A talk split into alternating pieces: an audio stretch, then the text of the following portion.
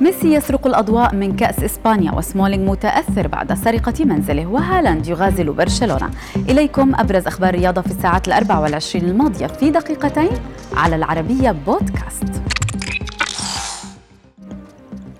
سرق ميسي الأضواء في مباراة كأس ملك إسبانيا عقب تتويج فريقه برشلونة بالبطولة للمرة الحادية والثلاثين في تاريخ النادي.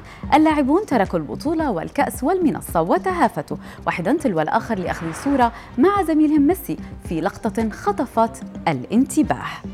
وطرحت تساؤلات هل هي صور للذكرى أم أنها وداعية للنجم الأرجنتيني؟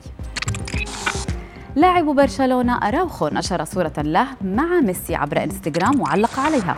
أعتذر حبيبتي هذه أجمل سيلفي يبدو أن على أراوخو تقديم التفسيرات لزوجته خلال اليوم. أما جريزمان الذي سجل هدفا بالأمس فقرر أن يأخذ كأس البطولة إلى منزله في حقيبة السيارة. يبدو أن هالاند قريب من برشلونة أو معجب مثلنا كلنا بميسي حيث بدأ النجم النرويجي متابعة ليو عبر إنستغرام لكن ميسي لم يرد له المتابعة بعد. ما زال لاعب روما الإيطالي كريس سمولينغ متأثر بعد تعرض منزله للسطو من قبل ثلاثة لصوص أمام زوجته وطفله الذي يبلغ من العمر عامين.